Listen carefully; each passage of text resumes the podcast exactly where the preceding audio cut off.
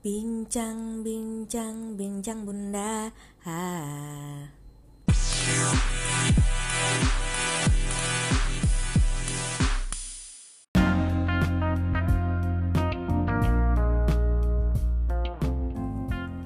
Apakah semua istri harus bisa masak?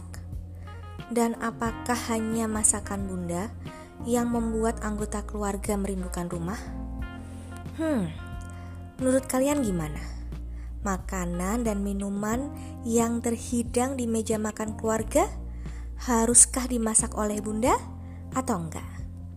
Yuk dengerin ceritaku di podcast Bincang Bunda.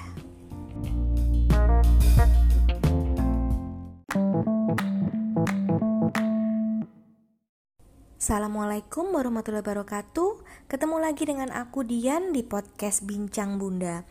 Ini aku tiba-tiba pingin buat lagi nih edisi bonus untuk episode 18 Karena tadi baru tiba-tiba aja mendadak dapat ide. Setelah ngeliat uh, sharing podcast 30 hari bersuara di grup gitu ya Di grup uh, ada salah satu podcaster yaitu Mbak Ella di podcast Sidebu bener nggak ya bacanya? Si Idebu atau Saidbu dan dia itu temanya atau judul judul podcastnya yang tema makanan dan minuman itu adalah uh, makan untuk hidup atau hidup untuk makan. Nah, kemudian aku jadi mikir nih, aduh, ini kayaknya yang relate sama podcast keluarga bincang bunda tuh apa ya masa makanan dan minuman favoritku. Nah, terus dapat ide yaitu masak penting nggak bukan penting nggak wajib nggak istri bisa masak? Wajib nggak masakan keluarga itu dibuat oleh bunda? Nah menurut kalian gimana? Ini kayaknya bakal jadi momor enggak deng oh ya temenku uh, di podcast sambel ya pernah bahas tentang ini tentang masak memasak gitu deh antara uh, bukan antara masak masak memasak dalam rumah tangga. Intinya istri tuh wajib bisa masak nggak sih gitu. Terus mereka tim mana tim masak sendiri atau enggak gitu kan. Dan seru banget sih bahasannya temanku itu karena mereka duet berdua jadi dua orang dari dua sisi gitu ya dua pandangan. Nah kalau menurutku sendiri adalah um, kalau kalian dengerin podcastku sebelum-sebelumnya termasuk yang terakhir ini yang episode 18 kuliner favorit Nusantara. Di situ aku kelihatan banget memang aku tuh nggak ikut turun ke dapur waktu masih remaja dulu waktu masih sebelum menikah gitu ya. Jadi bahkan aku nggak tahu tuh ya masakan makanan yang aku sebutin tadi tuh bahan-bahannya apa aja. Jadi aku bagian menikmati makanan gitu. Kalaupun membantu hanya potong-potong atau ngidangin ke meja makan gitu ngerapiin meja makan aja. Nah waktu menikah ya blank dong gitu mau masak apa. Untungnya sahabatku yang baik hati. Halo mbak Ambar.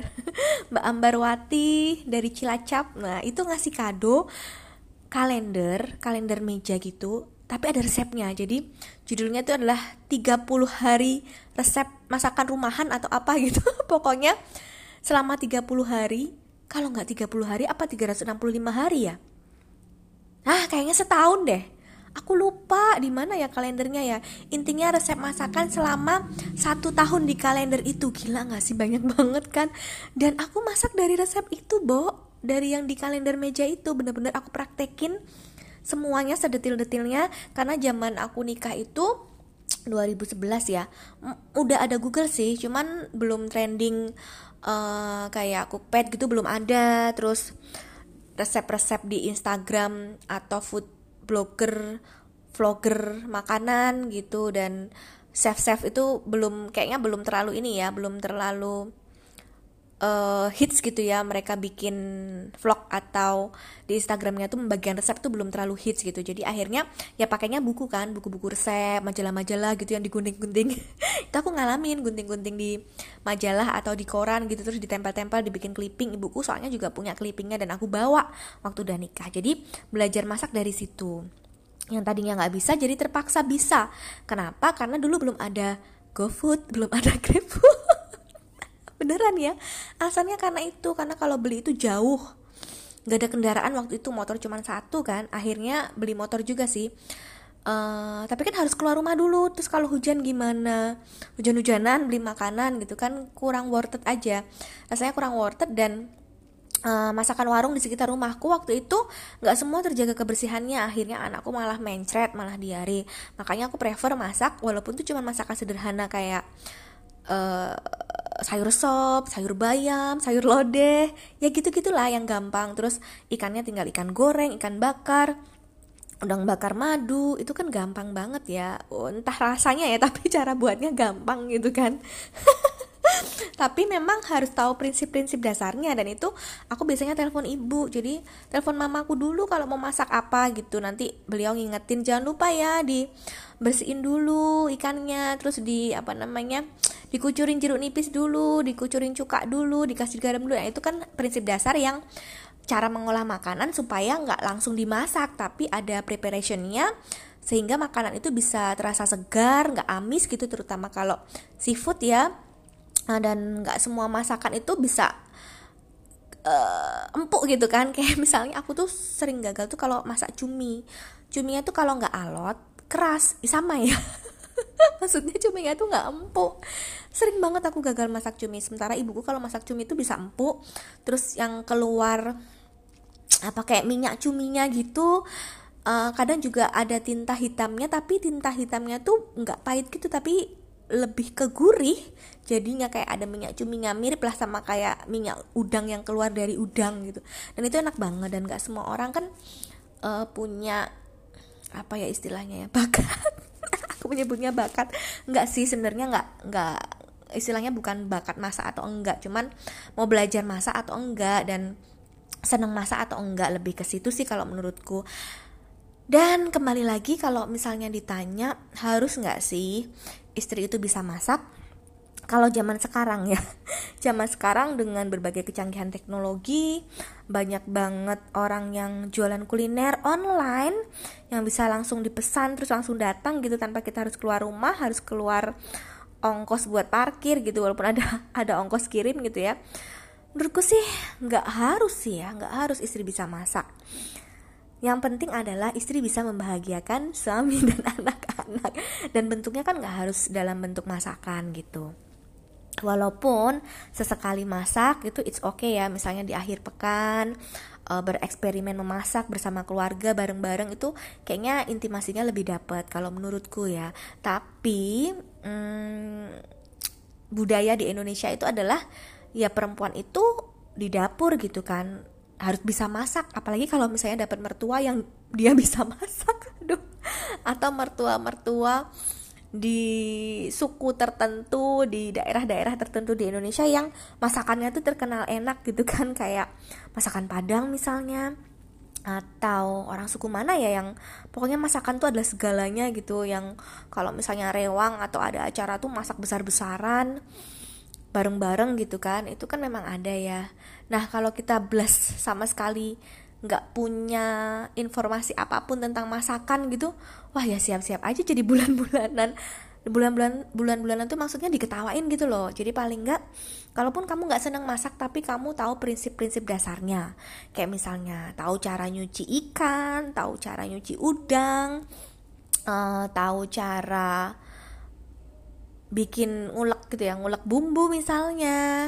Semacam itulah menurutku sih ini ya dan memang nanti aku juga ingin mempraktekkan ke anak-anakku seperti itu. Kalaupun mereka nggak suka masak it's okay. Tapi mereka tahu dasar-dasar masak dasar-dasar preparation uh, sebuah masakan gitu. Terus ini aku jadi ingat sesuatu. Aku jadi ingat salah satu asisten rumah tanggaku memang masih muda ya 17 tahun usianya. Uh, kan waktu itu aku lagi hamil jadi aku serahin masakan tuh ke dia. Walaupun aku tahu dia nggak bisa masak terus aku ajarin kan caranya gini gini gini. Nah aku pikir dia tuh tahu cara goreng tempe. Terus aku kasih tahu bahwa nanti tempenya dipotong-potong terus digoreng ya terus digoreng ya. Aku bilang gitu kan. Terus aku tinggal tidur waktu itu karena ngantuk banget kan. Ibu hamil besar malam itu sering ke kamar mandi begitu bangun udah jadi dong tempe gorengnya. Bagus bener gitu kan. Tapi begitu aku makan tuh nggak ada rasanya. Ternyata sama dia itu memang cuma dipotong terus digoreng. Nggak dikasih garam nggak dikasih bawang putih nggak dibumbuin.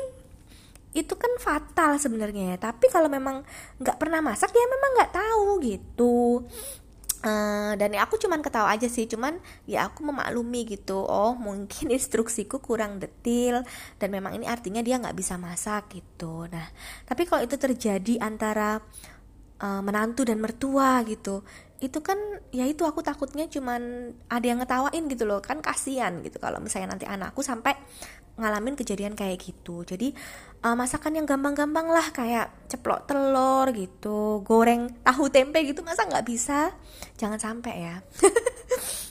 Itu standar kan ya kecuali kalau bikin cake apa yang susah-susah lah baking apa atau masakan yang butuh proses lama kayak gudeg rendang. Rendang tapi sekarang udah ada bumbu ini ya bumbu raciknya ya uh, yang proses butuh waktu lama yang bumbunya tuh banyak harus diulek ngolahnya harus berjam-jam.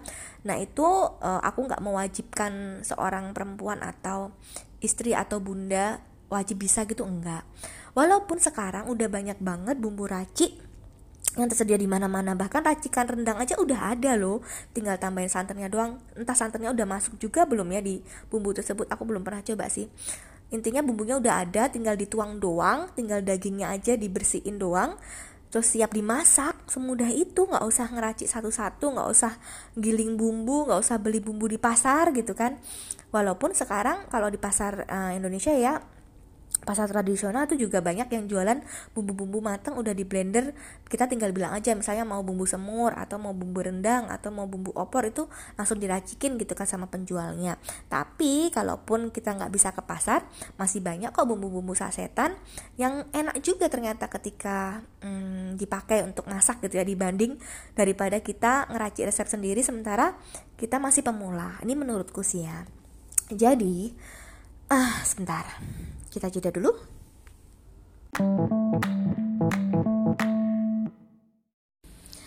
Nah, kembali lagi. Ini kalau dari sisi aku sebagai perempuan ya, sebagai istri atau bunda gitu. Tapi kalau dari sisi aku sebagai mertua, kebetulan nih ya di Lala aku punya anak satu cowok gitu ya. Nanti kalau aku punya menantu, apakah aku nggak apa-apa, nggak masalah kalau punya menantu yang nggak bisa masak? Nah, harus jujur ya sesungguhnya aku juga pingin mantuku bisa masak paling nggak tadi yang gampang-gampang gitu ya.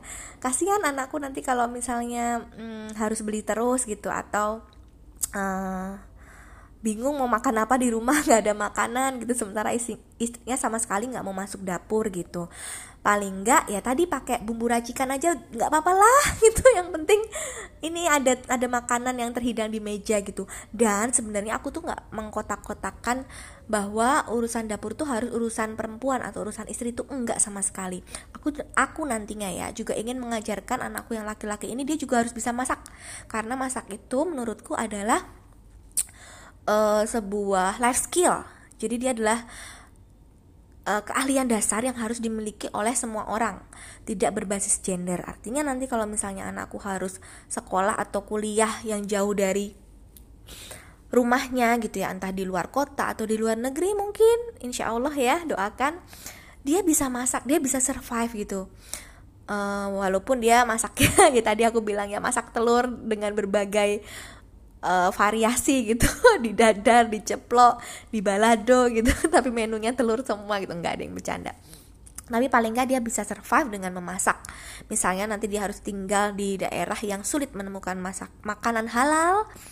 Nah dia kan bisa tuh hunting bahan-bahan yang halal di pasar atau supermarket terdekat. Kemudian dia masak sendiri dengan bahan-bahan yang halal tadi. Insya Allah itu lebih terjamin ya uh, dan lebih berkah juga gitu bagi bagi dia gitu. Nah aku pinginnya anakku yang cowok juga bisa masak walaupun masakannya nggak yang susah-susah gitu. Dan nanti jelas aku bakal kirimin itu bekal-bekal bumbu racik dan bahan makanan yang tahan lama gitu ya. Entah berupa apa ikan asin mungkin gitu. Yang kalau digoreng nanti bikin semerbak terus tetangganya pada pada protes gading. Uh, entah itu terasi ikan asin atau ebi atau emping dan makanan lain yang tahan lama. Kalengan sebenarnya udah banyak ya gudeg kalengan rendang kalengan tuh ada sih sebenarnya. Ya begitulah. Hmm, jadi kalau aku jadi mertua aku juga pingin menantuku dan anakku sendiri itu nggak malu ke dapur dan nggak canggung di dapur gitu. Kemudian gimana kalau dari sisi laki-laki dari sisi suami? Um, sebenarnya sih nggak semua laki-laki yang aku kenal itu pingin atau mewajibkan istrinya bisa masak. Walaupun kalau sepengetahuanku ya sebagian besar para suami di Indonesia ini rata-rata memang uh, mereka pingin istrinya bisa masak gitu. Terutama kalau udah ada anak ya masakin buat anak-anaknya kan. Kalau anak-anak itu lebih sensitif ya terhadap masakan. Kalau nggak bersih sedikit mereka bisa diare. Kalau misalnya pedes sedikit juga nggak bisa. Untuk anak-anak yang masih balita atau bayi kan mau nggak mau kita masak sendiri dong. Terus kalau misalnya uh, jajan terus itu nggak ngerti kebersihannya nggak ngerti ada pengawet yang seperti apa di dalamnya pewarna perasa yang seperti apa di masakan tersebut. Uh, intinya lebih higienis dan lebih bisa dijamin dan dipertanggungjawabkan kualitasnya kalau memasak sendiri walaupun nggak harus setiap hari. Itu menurutku ya. Nah dari segi pandangan laki-laki atau suami tadi um, banyak juga sih yang mereka tuh berpikir bahwa atau apa ya di luar tuh istilahnya adalah uh, ya kamu harus bisa dong bikin suamimu betah dengan masakan yang enak gitu kan sebagai ya kayak pelayanan gitu untuk mereka. Dan anak-anak juga nantinya suami mereka rindu rumah itu salah satunya adalah rindu masakan ibunya gitu. Entah sedang sibuk lembur bekerja atau anak-anak yang sibuk kuliah sibuk KKN uh, ada satu waktu mereka akan merindukan masakan uh, bundanya atau ibunya gitu. Aku sebenarnya lumayan sepakat sih dengan kalimat tersebut walaupun yang dirindukan oleh seorang anak atau seorang suami kan nggak harus dalam bentuk masakan banyak juga pelayanan-pelayanan lain yang bisa diberikan oleh seorang ibu atau bunda misalnya uh, obrolan yang hangat atau mereka punya hobi bareng entah itu ngegame kalau ini ya uh, anak laki-laki gitu ya. Atau hobi berkebun bareng banyak lah yang bisa digali gitu. Atau olahraga bareng dengan bundanya dengan ibunya. Nggak harus berupa masakan atau baking tuh nggak harus ini menurutku ya. Uh, tapi aku yakin sih kalau laki-laki itu senang uh, ketika istrinya pinter masak gitu bisa bikin masakan yang enak dan nggak dipungkiri sebenarnya kayak chef-chef chef-chef sendiri di Indonesia koki-koki itu banyak yang laki-laki ya. Jadi eh, nggak uh, berbasis gender. Itulah yang aku bilang bahwa hmm, kalau misalnya dapat koki nih enak banget ya. Dapat suami koki gitu dia yang masakin. Masakannya enak itu kayaknya ini ya. Surga dunia kita nggak perlu mikir mau masak apa besok. Karena terus terang nih aku di rumah itu ada berapa orang dewasa ya? Lima orang dewasa tiga anak. Itu setiap hari mikir mau masak apa mau masak apa mau masak apa besok. Harus mikirin menunya walaupun resepnya itu uh, nyontek semua. Nyontek di cookpad. Ya paling nggak yang bisa dimakan lah bisa dimakan dan nggak bikin sakit perut itu udah mendingan banget. Gitu sepertinya kalau kalian punya opini lain atau punya kisah lain yang terkait dengan uh, keahlian memasak seorang istri atau seorang bunda bahkan mungkin ada ada nggak ya yang misalnya suaminya tuh sampai selingkuh atau berpindah ke lain hati gara-gara istrinya nggak bisa masak atau bikin jadi pertengkaran dan jadi konflik? Boros banget sih. Beli terus beli terus. Karena masakan beli itu jelas lebih mahal ya dibanding masak sendiri dibanding beli bahannya doang gitu kan. Beli terus boros gitu kan. Atau gimana sih istri nggak bisa ngatur uh, pengeluaran rumah tangga masak masakan makanan aja sebanyak ini uh, uang yang keluar gitu. Sementara istri dituntut untuk bisa menghemat gitu pengeluaran rumah tangga. Salah satunya yang bisa dihemat adalah dari segi makanan yaitu dengan cara memasak sendiri. Tapi it's okay pilihlah suami yang bermasa depan cerah. Jadi nggak memikirkan mau go food berapa kali mau grab food berapa banyak itu dia nggak terlalu mikir gitu ya duitnya ada istilahnya. Tapi kalau dapat suami yang uh, dia hitung-hitungan gitu soal makanan ya mau nggak mau kamu belajar masak deh. Mendingan kayak gitu daripada jadi pertengkaran kan jadi konflik. Oke terima kasih sudah mendengarkan sampai akhir. Semoga ini bermanfaat ya. Lebih relate dengan podcast keluarga Bincang Bunda Terima kasih. Wassalamualaikum warahmatullahi wabarakatuh.